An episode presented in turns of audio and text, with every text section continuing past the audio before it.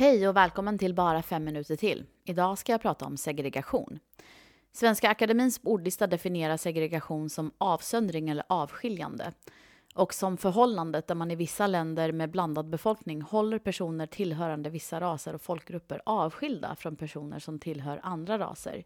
Särskilt gäller det alltså att särskilja vita ifrån andra grupper. Efter förbud om förslavande av svarta ville man fortsätta kunna kontrollera och begränsa svarta kroppar i USA. Så först så kom Black Codes in, en slags lagar som begränsade vart svarta kunde jobba och bo. Sedan så kom Jim Crow-lagarna som systematiserade segregationen ytterligare. Och man ville alltså helt särskilja baserat på ras. Till exempel att vita hade sina egna skolor, egna bostadsområden, egna shoppingcenter, arbetslokaler, parker, teatrar, kyrkogårdar. Till och med väntrummen in till läkaren var separerad och segregerad.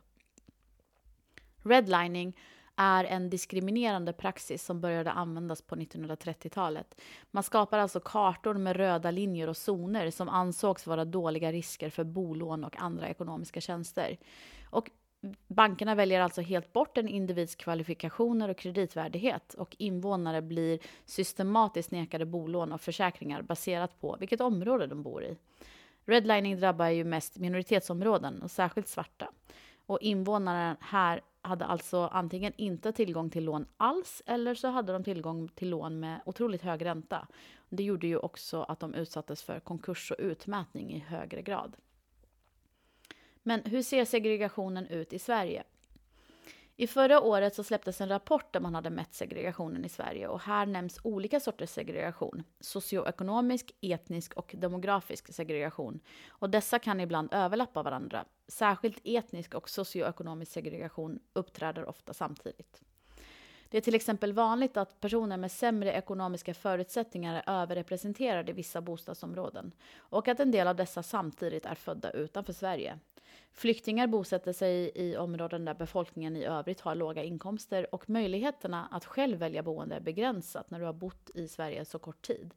Och du blir kanske inte ens insläppt i arbetsmarknaden.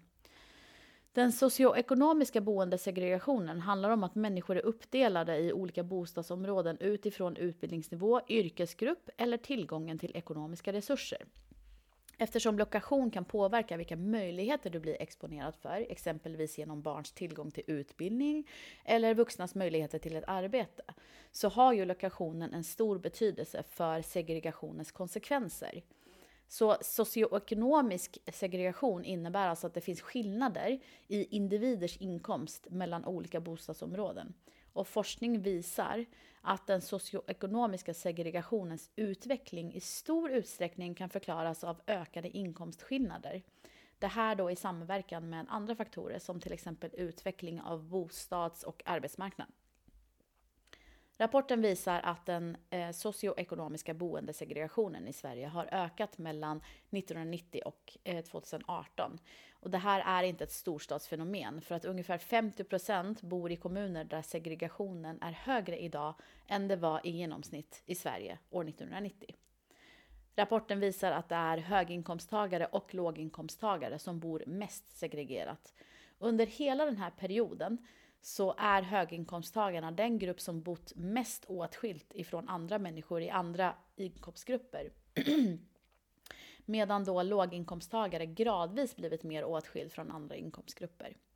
År 1990 så skulle 27 procent av låginkomsttagarna behöva flytta för att bo jämnt fördelade i förhållande till höginkomsttagarna.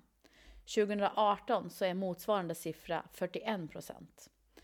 Samhället har skapat och upprätthåller strukturer som antingen jobbar för eller emot segregation och det kan exempelvis röra sig om tillgång till kollektivtrafik eller stadsplanering eller hur bostadsbyggande ser ut.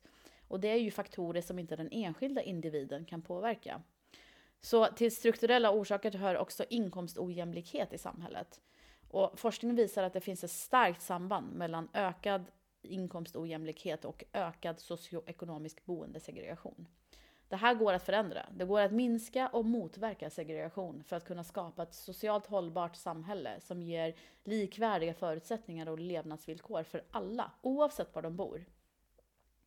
Tack för att du har lyssnat på dagens avsnitt. Vi hörs och ses på Instagram där jag heter aram jajar. Ha det så bra!